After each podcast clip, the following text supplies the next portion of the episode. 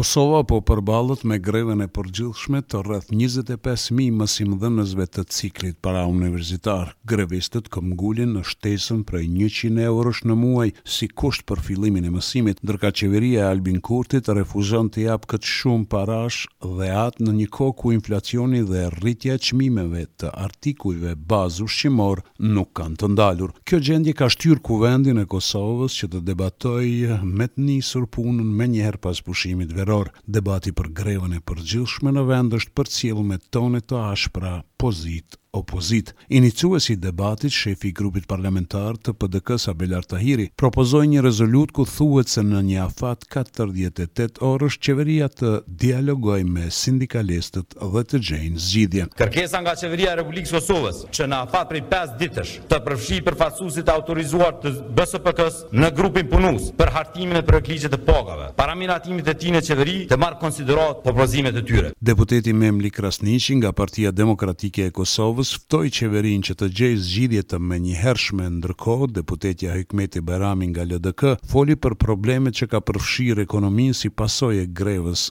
në administratë. Në përgjigje të opozitës, ministrja e Arsimit, Arbërie Nagavci, gjatë debatit tha se dialogu me sindikatat s'ka munguar asnjëherë, por sipas saj, Sbashku nuk dëshiron kompromis dhe po injoron zgjidhjet e ofruara nga Qeveria e Kosovës. Pas shumë diskutimesh fjalën e mori kryeministri Albin Kurti. Përballje me inflacion po, mirëpo kërcënim apo shantazh, i dua kaq para për çdo muaj derisa të kalon, Projektligji kështu nuk. Ky lloj dizajnimi i kërkesës është i papranueshëm. Një sindikatë që do të realizonte kaq kërkesa do të bënte festë, jo grevë. Po këtu po shihet që çështja është diku tjetër. Komplet opozita e mbështet grevën. Dhe për bindjen time nuk është e rastësishme që bartës i këtij mocioni është deputeti më shurdhues. Pasi mbaroi fjalimin e tij, kryeministri Albin Kurti është larguar nga salla e Kuvendit, për këtë ka reaguar opozita, kryetari i PDK-së, Memli Krasniqi. Me kon me repliku me këtë tuts, se ky. Tuts ka le, tuts ka jetu, tuts ka me dalë prej këtuhit, se kjo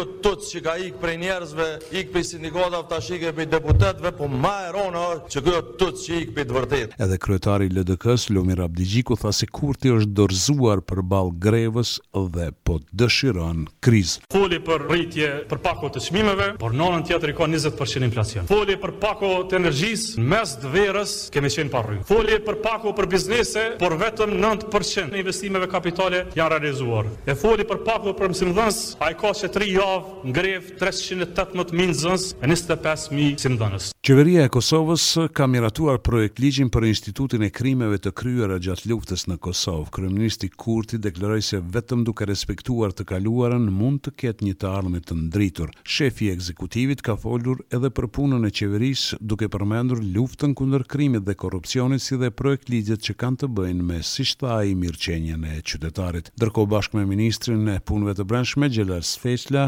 Kurti shpalosi projektligjin për pagat dhe projektligjin për zyrtarët publik. Synim kyç kemi krijimin e një sistemi të njëtrajtshëm për përcaktim të pagës, që do të sigurohemi ta përcaktojmë parimin bazë për caktim të koeficientëve, që do të përcaktohen kushtet për përfitim të pagës sekondare. Dua të them që kjo është një reformë rrënjësore e sistemit të pagave në sektorin publik. publik dhe një reformë për modernizim të administratës publike. Një vizitë e paparalajmëruar paraprakisht e emisarit të posaçëm të Bashkimit Evropian për dialogun Kosovë-Serbi, Miroslav Lajçak, u bë shkas që kryeministri Albin Kurti të mos qëndrojë deri në fund të seancës plenare të Kuvendit. Në takimin Kurti-Lajçak, temë boshtë e diskutimit ishte vazhdimi i dialogut dhe normalizimi i marrëdhënieve Kosovë-Serbi. Këtë e konfirmoi vetë emisari Lajçak. pas takimit. Ne jemi këtu të shtyjmë procesin e normalizimit përpara dhe takimi tjetër do të ndodhë sapo të përgatitet mirë dhe kjo është arsyeja që jam këtu.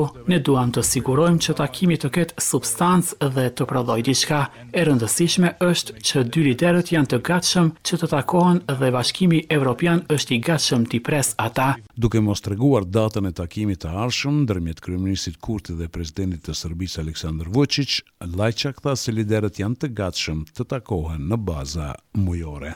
Për shkak të krizës energjetike në vend, ministrja e Ekonomisë, Artane Rizvanolli, në mbledhjen e Qeverisë ka prezantuar njëzet masat e Komitetit Teknik Emergjent për kursimin e rrymës në sektorin publik. Rizvanolli tha se do të fillohet me sektorin publik për të vazhduar pastaj me sektorin privat. Të zëvendësohen poçat standard në poça led në të gjitha institucionet. Të ndalohet ngrohja në zyre apo objektet ku nuk ka prezencë fizike, si dhe në të gjitha korridoret. Të ndalohet ngrohja e ujit në objektet e institucioneve publike, ndalimi i përdorimit të bojlerëve, përveç në institucione si spitale dhe entitete tjera të ngjashme ku uji i ngrohtë është i domosdoshëm. Të ndalen pajisjet elektrike, përfshirë teknologjisë informative dhe të tjera, të ndalohet përdorimi i klimave, kondicionerëve, përveç në rastet kur nuk ka alternativa të tjera për ngrohje, ndalohet përdorimi i ngrohësve omik, ngrohësve me energji elektrike.